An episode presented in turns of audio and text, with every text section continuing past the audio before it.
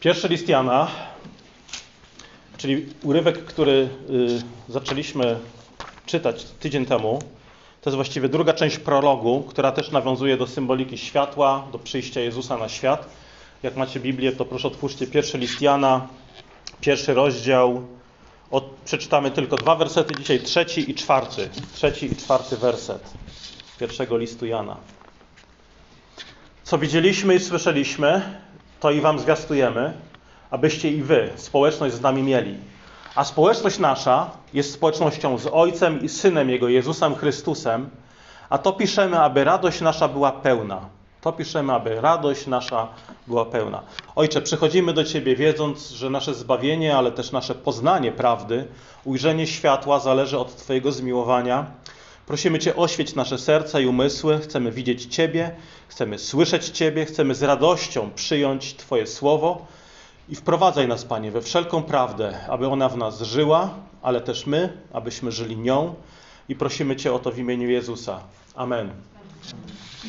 Dzisiejsze dwa wersety to jest druga część prologu, czyli wstępu do całego listu Jana. Aby zrozumieć te wersety, musimy zrozumieć powód, dla których Jan je napisał. Dlatego, że bardzo ważna w kontekście no, w większości ksiąg biblijnych, bardzo ważny jest kontekst, dlaczego ta księga powstała, dlaczego autor ją napisał. Często list Jana traktujemy jako wykład ortodoksyjnych prawd na temat bóstwa, prawdziwego bóstwa i prawdziwego człowieczeństwa Jezusa. Yy, czytamy list Jana jako wykład praktycznych prawd, gdzie Jan często podkreśla, że kto nie miłuje brata, którego widzi, jakże miło, może miłować Boga, którego nie widzi. I to wszystko jest prawda. To jest wykład pewnej ortodoksji w myśleniu i w postępowaniu. Yy, ale my nie możemy zapominać, że te prawdy, które Jan tutaj przedstawił, one nie powstały jakby z powietrza, tak znikąd. Jest pewien kontekst, w którym Jan pisał to. Tak jak kontekstem dla powstania, na przykład, kredo apostolskie. Mówiliśmy, tak? Wierzę w Boga Ojca Wszechmogącego, Jezusa Chrystusa, Syna Jego jedynego. Kontekstem dla wyznań wiary w historii Kościoła były głównie herezje, chrystologiczne herezje. Tak samo kontekst, i oczywiście pierwsi chrześcijanie w kontekście tych herezji wyrażali biblijne prawdy, chcąc jakby dać odpór tym herezjom, mówili, jaka jest prawda na temat bóstwa Jezusa, boskiej i ludzkiej natury w Chrystusie i tak dalej. I tak samo kontekstem dla powstania pierwszego listu Jana było pojawienie się fałszywych proroków. Jan o tym często mówi w swoim liście, którzy byli zwodzicielami, nazywa ich antychrystami, zobaczcie w liczbie mnogiej, nie mówi o jakimś jednym, anty, mówi antychryści i mówi w jego czasach, tak w kontekście tego, że niektórzy dzisiaj szukają jakiegoś jednego antychrysta, Jan mówi wielu przyszło na świat i oto są pośród nas. Mówi o kontekście jemu bliskim. Także istniało zagrożenie dla chrześcijan w postaci fałszywych nauk, fałszywych praktyk. Jan mówi, że ci fałszywi nauczyciele siali zamieszanie doktrynalne i zamieszanie praktyczne. Jan mówi, drugi rozdział, 26 werset, to napisałem wam o tych, którzy was zwodzą. Czyli zwodzą jak? Zwodzą poprzez fałszywe nauki. A dalej mówi, dzieci, niech was nikt nie zwodzi. Kto postępuje sprawiedliwy, sprawiedliwie, sprawiedliwy jest, jak on jest sprawiedliwy. Czyli tutaj mamy ten kontekst z kolei postępowania, sprawiedliwego postępowania. I teraz, jaką, jaka, była, jaka, była, jaka była dominująca herezja? Jaki był dominujący problem w czasach Janowych? Dominującą herezją w czasach Jana, i właściwie apostoł odpowiada na jej błędy, był gnostycyzm. Z przywódcą tejże sekty o imieniu Cerynt był to jeden naprawdę z najniebezpieczniejszych nur, nurtów heretyckich dla Kościoła, dla wiary chrześcijan. Jakie były dwa główne problemy, jeśli chodzi o gnostyków? Jeśli chodzi o nauczanie i praktykę. Doktrynalnym problemem było to, że zaprzeczali wcieleniu Jezusa. Nauczali, że tak, Jezus przyszedł, tak, Jezus jest Synem Bożym, tak, Jezus jest obiecanym Mesjaszem, ale nie przyszedł w fizycznym, prawdziwym ciele. To było jakby ciało. A skoro nie przyszedł prawdziwie w ciele, to nie umarł prawdziwie. A skoro nie umarł, no to nie możemy mówić o zastępczej ofierze krzyża za nasze grzechy. Nie możemy mówić o odkupieniu. Czyli skutki tej herezji. Zobaczcie, nam się wydaje, że to takie, a taki pikuś, w ciele czy nie w ciele, po co dywagować. Ale zobaczcie, konsekwencje są druzgoczące. Jeżeli nie przyszedł w ciele, to nie umarł. A jeżeli nie umarł, to nie mamy odkupienia. Także ta, ta herezja uderzała w samo serce chrześcijaństwa i tożsamości Chrystusa. Natomiast moralnym problemem było to, że gnostycy uważali, że chodzą w świetle, my chodzimy w świetle, światłość, światłość, ale mieli bardzo wyluzowane, byśmy naszym słowem powiedzieli, liberalne spojrzenie na własną grzeszność i grzechy, które sami popełniali. Czyli uważali, że my jesteśmy w jakimś sensie ponad tym wszystkim. My jesteśmy na wyższym poziomie duchowości niż zmaganie się z jakąś nudną ideą grzechu. I w zasadzie ich dominującą cechą w związku z tym była też arogancja, która prowadziła do braku miłości brata, Jan też to prostuje, br- bratu miłości do brata i siostry. To prowadziło do bezprawia, zupełnego lekceważenia bliźniego i Bożych przykazań. Dlatego te dwie kwestie tutaj Jan wyjaśnia w swoim liście, mówiąc, że jeżeli ktoś nie kocha brata, no to jak możesz mówić, że kochasz Boga? I mówi, że miłość do Boga przejawia się w miłości do brata i posłuszeństwie Bożym przykazaniom. I obie prawdy są ważne za, również dzisiaj. Dzisiaj wciąż mamy ideę Boga, gdzieś tam funkcjonuje idea Boga w umysłach wielu ludzi, którego oddziela się od miłości bliźniego. Tak, ja i mój Bóg, co tam inni, mam ich w nosie. I oddziela się Boga od posłuszeństwa przykazaniom Bożym. Tak? Czasami słyszymy, mój Bóg jest w moim sercu i nic ci do tego, wszyscy spadać stąd. Ja, ja chodzę w duchu, więc nawet samo słowo przykazanie Boże, już tak, o, przykazanie Boże, co to, jakaś litera, chcesz mnie związać i tak dalej. Jan robi tutaj kontrofensywę właściwie na każde fałszywe zagadnienie gnostyków. Czyli zobaczcie, że jednym z zadań apostołów, a Jan jest nazywany powszechnie apostołem miłości, Apostoł miłości daje odpór fałszywym naukom. Apostoł miłości się nie bał dawać odpowiedzi na fałszywe nauki. Nikt, przynajmniej nie czytamy w Biblii, nie, czytamy, żeby jakiś wierzący powiedział mu, może byli, ale takiego świadectwa akurat w Biblii nie mamy. Ktoś mówi, a ty przestań tych dostyków tutaj, skup się na swojej relacji z Jezusem. Weź zostaw tych biednych ludzi w spokoju. Jesteś, jesteś hejterem, ty zajmij się lepiej swoimi wierzeniami, zostaw tych biednych gnostyczków w spokoju. No nie, dlatego że gnostycy siali poważne spustoszenie w kościele, zwodzili wierzących w Jezusa i należało bronić wiary, tak jak Juda mówi, raz na zawsze przekazanej świętym. List Judy mówi, umiłowani zabierając się z całą gorliwością do pisania do was o naszym wspólnym zbawieniu, uznałem za konieczne napisać do Was i napomnieć Was, abyście podjęli walkę o wiarę. To jest właśnie to, co robi Jan, która raz na zawsze została przekazana świętym. Podejmijcie walkę o treść wiary. Ona raz na zawsze została przekazana świętym. I dlaczego? I Juda mówi, dlatego, że wkradli się bowiem pomiędzy nas jacyś ludzie, na których od dawna wypisany został ten wyrok potępienia, bezbożni, którzy łaskę Boga naszego, no i właśnie, gnostycyzm, łaskę Boga obracają w rozpustę, zapierają się naszego jedynego władcy i Pana Jezusa Chrystusa. Czyli kiedy gnostycy mówili, Jezus nie przyszedł w ciele, Jan mówi, Chrystus przyszedł w ciele. I ten, który temu zaprzecza, on nie mówi, jest takim różniącym się od nas bratem albo niedojrzałym bratem. Nie, on mówi, jest to duch antychrysta.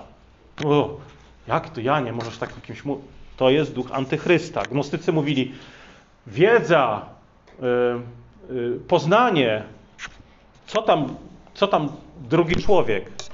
Natomiast Jan mówi, to nie miłuje brata, nie może miłować Boga. Gnostycy mówili, co tam przykazania Boże? My jesteśmy ponad tym.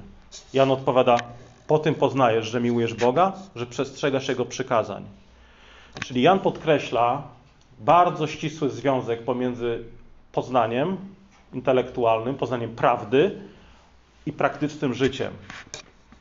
Już sam ten fakt przekreśla fałszywych nauczycieli, którzy wynoszą wiedzę na piedestał, nie bacząc na bliźniego posłuszeństwo przykazaniom.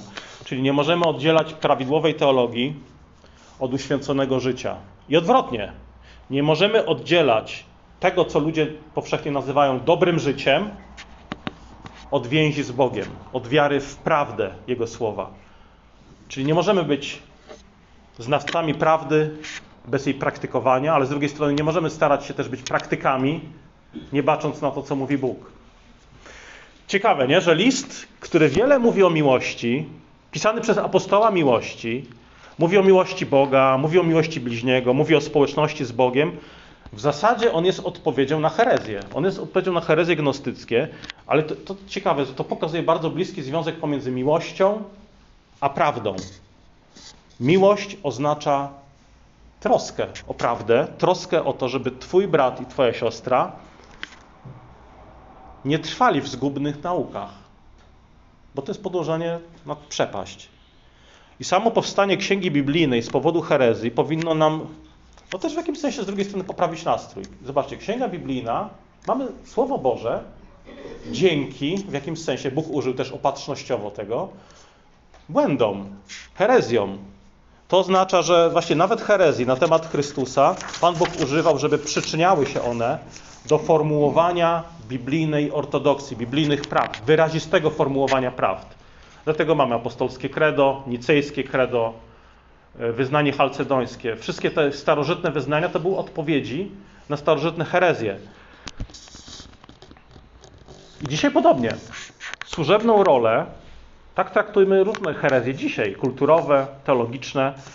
One mają w jakimś sensie, oczywiście one sieją spustoszenie, to bez dwóch zdań, ale traktujmy je również jako coś, co ma służebną rolę dla nas w formułowaniu biblijnej ortodoksji, chociażby temacie, nie wiem, zabijania nienarodzonych dzieci. Kiedy ktoś przychodzi i mówi, mogę zabić nienarodzone dziecko, to trudno już być pośrodku, mówić, aha, no to jestem pośrodku, bo trochę możesz zabić, trochę nie możesz zabić. No nie, to przyczynia się do tego, żeby chrześcijanin, wierny Kościół odpowiedział na to, tak czy nie, może czy nie może. Seksualna rozwiązłość. Również nie pozwala ci stać pośrodku, mówić trochę tak, trochę nie. Akceptacja homoseksualizmu jako, e, nie wiem, równego z małżeństwem mężczyzny i kobiety stylu życia. Wiara w państwo. To są takie współczesne herezje, które do ciebie idą, do twojego życia, z ekranu telewizora, internetu, radia, yy, nie wiem, nawet miejsc pracy czy szkoły. One ci prosto w twarz pokazują palec i mówią: Masz myśleć jak my. I one wymagają, i co więcej, ten palec mówi: No to proszę, teraz ty. To teraz ty się opowiedz. Tak? Kiedy przychodzi do ciebie stwierdzenie, seks małżeński, przepraszam, e, seks pozamałżeński jest ok. Można zabijać nienarodzone dzieci, to słuchajcie, nie da się być galaretą. Nie da się być galaretą, która jest miękka, rozlewająca się o jakichś niekonkretnych kształtach. Takie stwierdzenia są jak właśnie taki palec skierowany do ciebie z pytaniem: No to co teraz, ptaszyno? Przestraszysz się, czy coś powiesz? Zanegujesz naszą opinię? Czy zanegujesz opinię Pana Boga? Bo przed takim wyborem nas stawiają. Przylgniesz do grzechu, czy przylgniesz do, Bo do Bożego Słowa? No wybieraj. Także w taki sposób te, te, te współczesne herezje również przyczyniają się do tego, że, że musisz po prostu przestać stać w rozkroku pomiędzy jednym i drugim, a jasno się opowiedzieć. Albo Bóg, albo grzech. Jan nie mówi tutaj, ciekawe, nie mówi, mm, że zwiastowaliśmy wam to, co widzieliśmy. On mówi, że zwiastujemy, trzeci werset. To, co widzieliśmy, słyszeliśmy, to wam zwiastujemy, czas teraźniejszy. I dalej mówi w całym liście o bardzo takich podstawowych prawdach wiary. Dlaczego mówi zwiastujemy? Przecież jesteście powinniście już to, że tak powiem, chwycić, że Jezus jest Bogiem, że Jezus przyszedł w ciele. A jednak Jan mówi zwiastujemy wam, czyli wierzącym. Dlaczego? Dlaczego mówi to wierzącym, którzy już powinni to wiedzieć? No dlatego, że właśnie powodem były błędy. Powodem były błędy, wpływy różnych herezji, szczególnie gnostycyzmu na Kościół. Dlatego Jan przypomina prawdę o Chrystusie, czy też można powiedzieć doprecyzowuje je, aby utwierdzić wierzących w prawdzie. I to jest ważne, ponieważ nasza wiara powinna być właśnie osadzona na prawdzie. Dlatego Jan przypomina prawdy wiary. Nasza wiara powinna być osadzona na, osadzona na prawdzie, nie na tym, jak się dzisiaj poczułeś, kiedy wstałeś z łóżka. Mogłeś się poczuć entuzjastyczny, a mogłeś się poczuć zniechęcony. Ale swojej wiary nie opieraj na tym, jak czujesz się, nawet kiedy no, jutro będzie gorzej, jutro jest poniedziałek. Będziesz się pewnie gorzej czuł rano niż dzisiaj, bo będziesz, oj, do pracy znowu, to Panie, daj mi siłę. Swojej wiary i zaufania Jezusowi nie opieraj na tym, jak się czujesz w piątkowy wieczór, kiedy jest lepiej, lub poniedziałkowy poranek, kiedy jest trochę gorzej.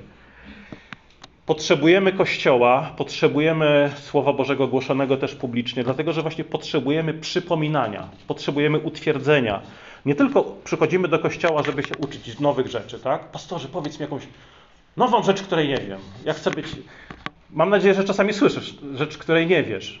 Ale jednym z celów przychodzenia też na nabożeństwo jest to, że potrzebujemy, ja też, utwierdzenia i umocnienia, przypominania, zachęcenia, również w tym, co już wierzymy.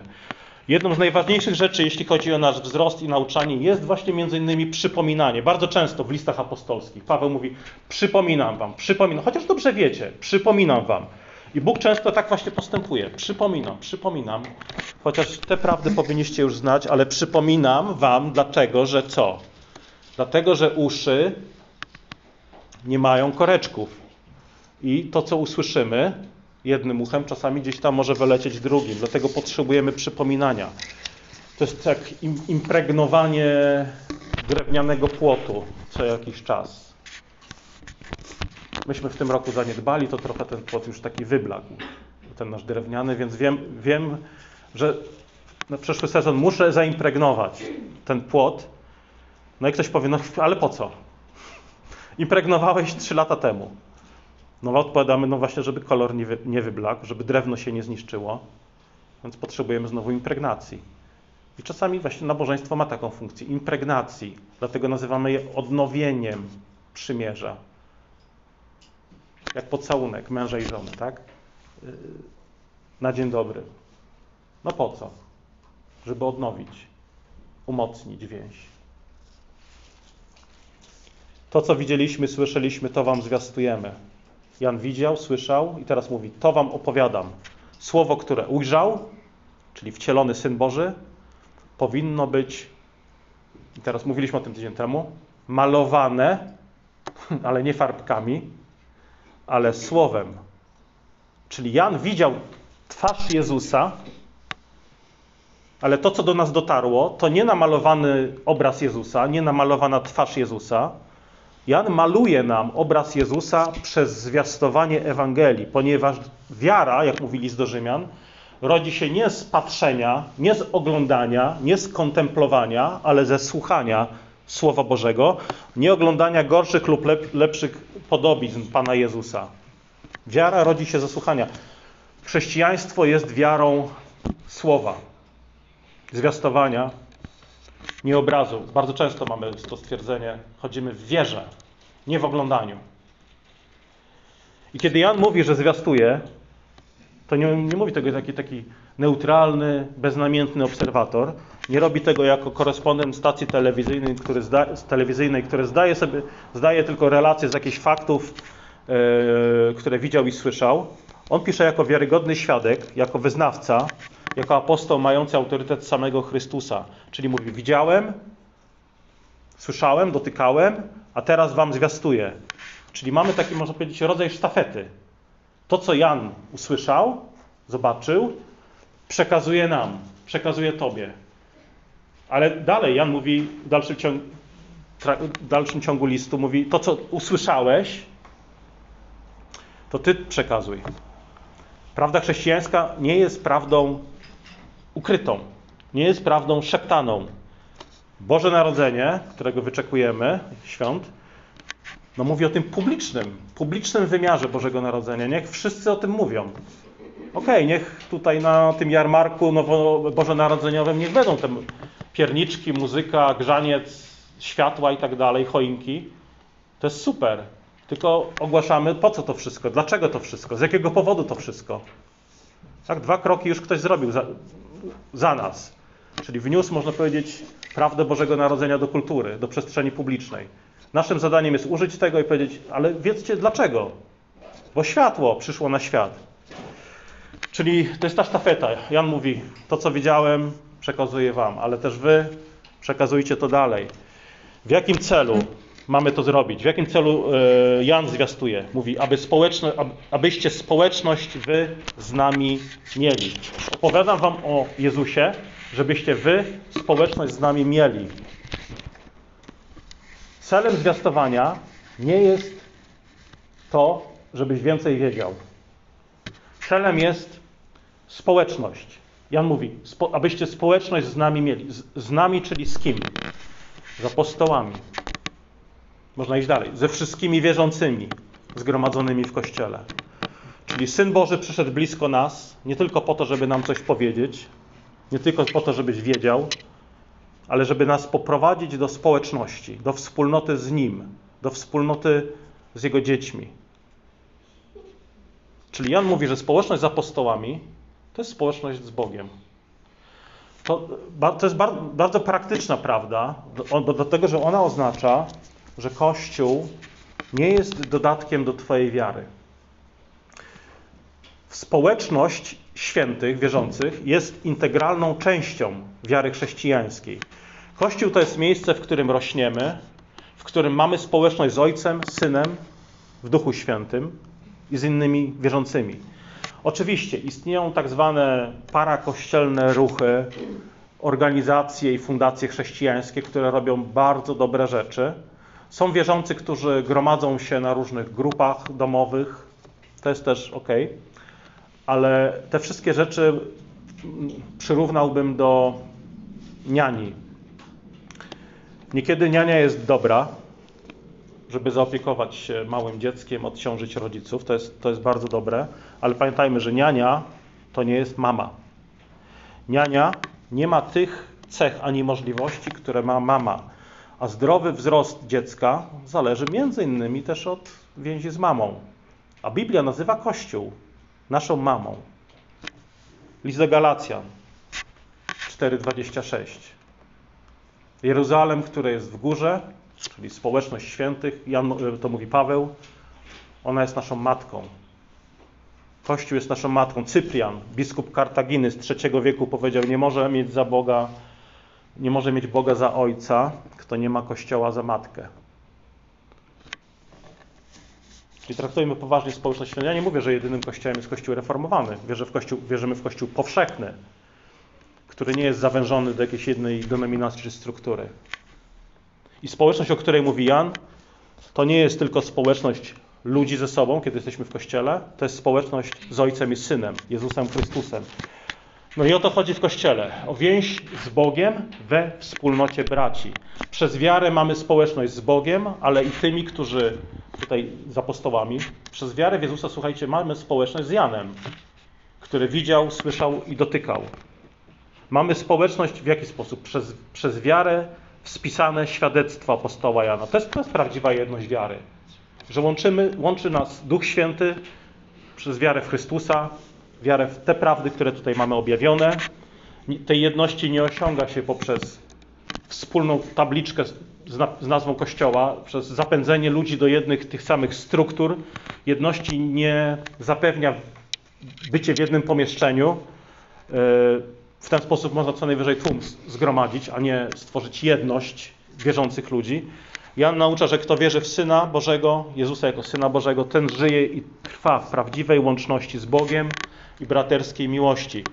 Czyli istotą zbawienia, zobaczcie, bardzo często przyrównujemy zbawienie do więzi, do społeczności z Bogiem, ale idziemy dalej, z Jego rodziną. Oczywiście dzieje się tak, dlatego, że sam Bóg jest społecznością. Sam Bóg jest rodziną, jest społecznością Ojca, Syna i Ducha Świętego. Mieć udział w zbawieniu to udział w życiu Trójcy Świętej. Do tego życia zaprasza nas Bóg. Kiedyś usłyszałem pytanie, a co jeżeli, a co jeżeli nie jestem w kościele? Nawet ktoś doda, no nie, nie wierzę w to. Czy w dalszym ciągu możemy się przyjaźnić? Czy nadal będziemy mieli relacje? No, na takie pytania zwykle odpowiadam. Parę razy już to usłyszałem. No, oczywiście, że tak. Chrześcijanin jak najbardziej powinien mieć przyjaciół też wśród niechrześcijan. Jaki problem? Tylko różnica polega na tym, że będzie to innego rodzaju więź niż z braćmi w wierze. To, to nie będzie więź oparta y, na Chrystusie, czyli więź, więź tego najgłębszego rodzaju, że łączy nas najważniejsza rzecz, to ten, który jest najcenniejszy dla ciebie i dla mnie. No tak nie będzie w tym przypadku. Będzie nas łączyło co innego. Może wspólne dzieciństwo, wspólna szkoła, gdzie możemy sobie wspominać o nauczycielach i kawałach, które robiliśmy w dzieciństwie. Może nas łączyć sport, muzyka, poczucie humoru, podróże i tak dalej. To też jest ok. Jest, jest też miejsce na to, oczywiście. Ale tym, co łączy wierzących, pomimo właśnie różnych, bo często się różnimy, tak? W temperamentach, zainteresowania. To jest społeczność w Jezusie, to jest społeczność w prawdzie. I to jest naprawdę, dla mnie to jest pokrzepiający fakt, że to, co jest dla ciebie najdroższe, mimo że nie lubisz niestety koszykówki NBA, mimo że niestety nie chodzisz na żużel, szkoda. Ale to, co jest dla ciebie najcenniejsze, Jezus Chrystus, jest, dla ciebie, jest najcenniejsze dla mnie. I to jest ta prawdziwa więź, którą mamy, oparta na nim. To, co ty uważasz za jedyną pociechę, prawdę i nadzieję, jest jedyną pociechą, prawdą i nadzieją dla wielu innych. To jest naprawdę wielkie pokrzepienie. Świadomość, że nie jesteśmy sami w naszym pielgrzymowaniu, jest ogromną pociechą. I zawsze, ja odkąd jestem chrześcijaninem, zachwycał mnie fakt, że jeden człowiek przychodzi do Jezusa z jednego miejsca, w którym był, drugi przychodzi z drugiego miejsca, trzeci z zupełnie inną historią, trzeci, z, czwarty z jeszcze zupełną inną wrażliwością i doświadczeniem. Jeden jest jak ten syn marnotrawny, który wrócił z błota, nawrócił się. Drugi jest jak nawrócony ten starszy brat, który był takim faryzeuszem, takim religijnym legalistą, który jednak zdał sobie sprawę, że więź z ojcem zupełnie na czym innym polega.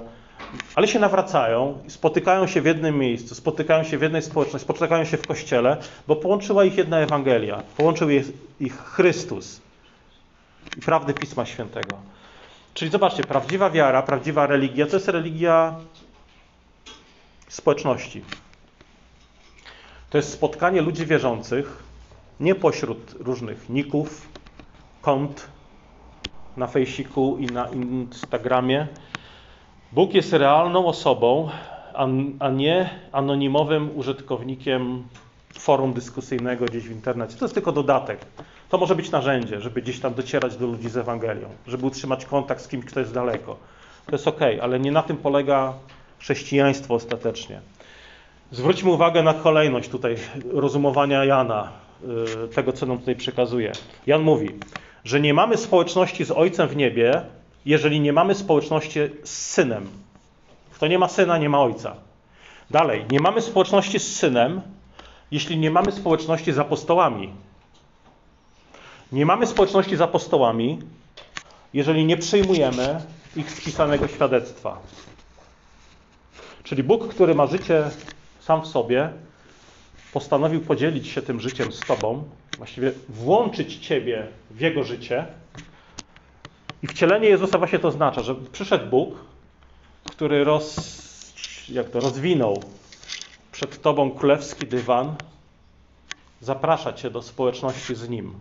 Czyli Bóg poprzez wiarę włącza Cię do wspólnoty osób Trójcy Świętej. Więc my chcemy też zapraszać innych. My jesteśmy społecznością z Bogiem w Trójcy Jedynym i społecznością ze sobą nawzajem. Bóg zaprasza nas do społeczności ze sobą. I Jan kończy tutaj zachętą, że ta społeczność z Bogiem i braćmi powinna nas prowadzić, zobaczcie czwarty werset, to piszemy wam, po co, po co Janie nam to piszesz? Aby radość nasza była pełna. Piszę wam to, żebyście mieli społeczność, i społeczność w radości, żeby radość wasza była pełna. A pełna radość jest możliwa wtedy, kiedy jej podstawą jest właściwy i mocny fundament. I tą podstawą no, musi być, inaczej się nie da. Jezus Chrystus. Podstawą nie może być mój, twój, czyjś chwilowy nastrój. To nie może być sztucznie wywołany entuzjazm, cokolwiek. Podstawą jest prawda, nawet nie, nie półprawdy. Bo Jan, zobaczcie, on się tu rozprawia z gnostycyzmem, który właśnie głosił półprawdy. Bo część z tego, co mówili o Jezusie, to była prawda. Na przykład gnostycy mówili, Jezus jest Synem Bożym. No co? No, no prawda, jest Synem Bożym. Ale Jan mówi, to za mało. Dlatego, że Słowo Boże jeszcze Ci zadaje kolejne pytanie. Czy uważasz, że przyszedł w ciele? Że był prawdziwie człowiekiem? I dzisiaj zobaczcie, również grozi nam niebezpieczeństwo zadawania, zadowalania się półprawdami, bo on, i one bywają nawet czasami gorsze niż kłamstwo. Bo nie wystarczy, że powiesz, Jezus jest prorokiem, Jezus jest Mesjaszem. Pismo Święte stawia pytanie, czy uważasz go prawdziwie za Boga? Czy uważasz go za prawdziwego człowieka? Czy uważasz go za Syna Bożego, drugą osobę Trójcy Świętej? Jezus pojawił się na świecie, żeby właśnie rozproszyć te półprawdy, mgłę takiej jakiejś niejasności o tym, kim jest Bóg, kim jest Syn Boży, kim jest Duch Święty. Zwróćmy uwagę, że właśnie w opisach Bożego Narodzenia, w czytaniach adwentowych również, dominują dwie rzeczy. Światło, które usuwa mrok, czy ciemność, i radość. Bardzo często, zobaczcie, opisy Bożego Narodzenia w Ewangeliach. Światło i radość. Apostoł Paweł przypomina, że radość i Duch Święty w Tobie, one powinny iść w parze. Królestwo Boże, mówi Paweł, to nie pokarm i napój, lecz pokój i radość w Duchu Świętym. Królestwo Boże to, to nie jest to, co w Ciebie wchodzi, ale pokój i radość. To nie pokój, pokarm i napój. Można dodać w kontekście dzisiejszych czasów, to nie szczepionka. To, to nie, co, nie to, co wchodzi w ciebie, cię kala, to, to nie ma znaczenia, czy to jest twoja decyzja, czy się szczepisz, czy nie. To jest twoja decyzja, czy jesz mięso, czy nie. To jest twoja decyzja, czy jesz owoce, czy nie. Czy jesz cukier, czy węglowodany. To jest twoja sprawa i, to, to, to nie ma znaczenia dla twojej duchowości. Bo Królestwo Boże to nie jest pokarm i napój. To nie to, co wchodzi, mówi Jezus, do nas, w nas, kala człowieka, ale to, co wychodzi z nas. I miał na myśli bluźnierstwa, przekleństwa, parszywa mowa, która jest wyrazem brudnego serca. Maria mówi do Elżbiety w Ewangelii Łukasza, kiedy czytamy o spotkaniu Marii i Elżbiety, kiedy jeszcze były w ciąży. Rozradow... Maria mówi, rozradował się duch mój, Zbawicielu moim. Znowu to zobaczcie, radość. Bóg w kościołach reformowanych często podkreślamy, że Bóg kocha, Bóg kocha ortodoksję, Bóg kocha prawdę. I jednym z jej elementów jest radość, miłość, wdzięczność, wspólnota. I tym w istocie są święta Bożego Narodzenia. Są warsztatami radości. Dlatego, kiedy, dlatego bardzo, to jest bardzo dobre życzenie, kiedy mówisz komuś wesołych świąt. Może myślisz, a, to takie oklepane, takie wesołych świąt, każdy życzy. Ja chcę jakieś takie życzenia ci, coś szczególnego. Nie, możesz to robić, ale nie musisz. Bo życzenia wesołych świąt są bardzo, to jest bardzo biblijne życzenie. Radujcie się, bo narodził się Chrystus Pan w mieście Dawidowym. Więc wesołych świąt to jest wezwanie do radości. Czyli Jan widział, Jan słyszał, Jan dotykał, następnie to zwiastuje, abyśmy mieli społeczność z apostołami, innymi wierzącymi, Społeczność z nimi to jest społeczność z Ojcem i Synem w Duchu Świętym. Po co? Żeby ta, żebyśmy mieli radość i żeby ta radość była pełna. Czyli tym, co nas powinno przyciągać do Kościoła, do wierzących, to jest oczywiście prawda Ewangelii. To jest wierność Bożemu Słowu, nie jakieś ludzkie wynalazki, ale nie jesteśmy gnostykami.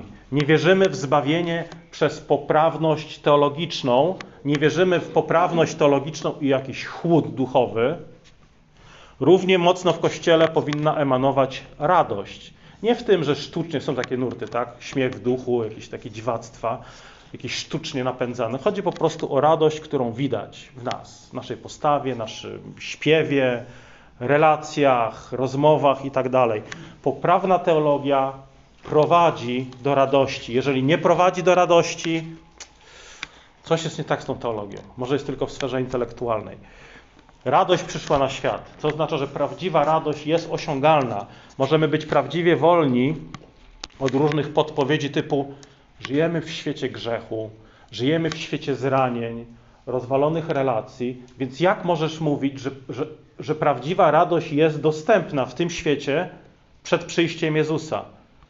I niektórzy myślą, no nie, no nie, nie, nie w moim przypadku, nie w obecnym czasie. Nie w, w obliczu moich problemów, które, które, które mam. Jan mówi, jest możliwa. Jest możliwa pomimo tych rzeczy, pośród tych rzeczy. Prawda przyszła na świat błądzący. w przypuszczeniach, prawdopodobieństwach i radość przyszła na świat, chodzący bez nadziei, pogrążony w rozpaczy. Dlatego kochajmy Adwent i kochajmy Boże Narodzenie. Przyjście Jezusa na świat nie tylko porządkuje nasze serca, jeżeli lgniemy do Niego, ufamy Jemu. Ono też mówi, że życie może być proste, może być napełnione sensem, może być wypełnione radością. Oczywiście skomplikowane sytuacje będą, bez dwóch zdań. Każdego dnia się przekonujemy, tak? że, że, że, że wiele rzeczy jest pokręconych, pogmatwanych. Ludzie łącznie z nami są podkręcani. Także będą skomplikowane sytuacje, bo jesteśmy grzesznikami, jesteśmy grzesznymi ludźmi i żyjemy pośród grzesznych ludzi. Ale jeżeli Chrystus narodził się w nas, to prosty będzie kierunek, w którym będziemy podążali. I Boże Narodzenie uwalnia nas od poplątań, spekulacji, mgły niejasności. Rzeczy, rzeczy w naszym życiu nie będą działały, jeżeli ominiemy Betlejem, narodzonego Chrystusa. Różne teorie, hipotezy, weryfikacji nie działają. Filozofie się nie kleją, jeżeli ominiemy narodzonego Chrystusa i mądrość, która jest ukryta w nim. Także słowo żywota przyszło na świat. Nie szukajmy go poza Betlejem. Nie, stajmy, nie stójmy w miejscu. Udajmy się do Chrystusa z wiarą, aby uczcić go z całego serca, z całej duszy i z całej myśli. Pomódlmy się. Panie, wiemy, że Twój duch działa zgodnie z Twoim słowem. Dziękujemy Tobie za ducha, który wprowadza nas w błogosławieństwa krzyża, dzieła Chrystusa. Dziękujemy Tobie, Panie, za światło, które przyszło na świat. Dziękujemy Tobie za społeczność, którą mamy z Tobą, Boże, poprzez wiarę, spisane świadectwo apostołów. Dziękujemy Tobie, Panie, za cud Bożego Narodzenia, za to, że Ty, Panie, poprzez Chrystusa zapraszasz nas do społeczności Trójcy Świętej, do społeczności z naszymi braćmi, siostrami. Panie, nie chcemy, aby nasza wiara to był jedynie jakiś intelektualny zasób informacji, ale by, ale by to była żywa społeczność w Chrystusie, w Duchu Świętym. Amen.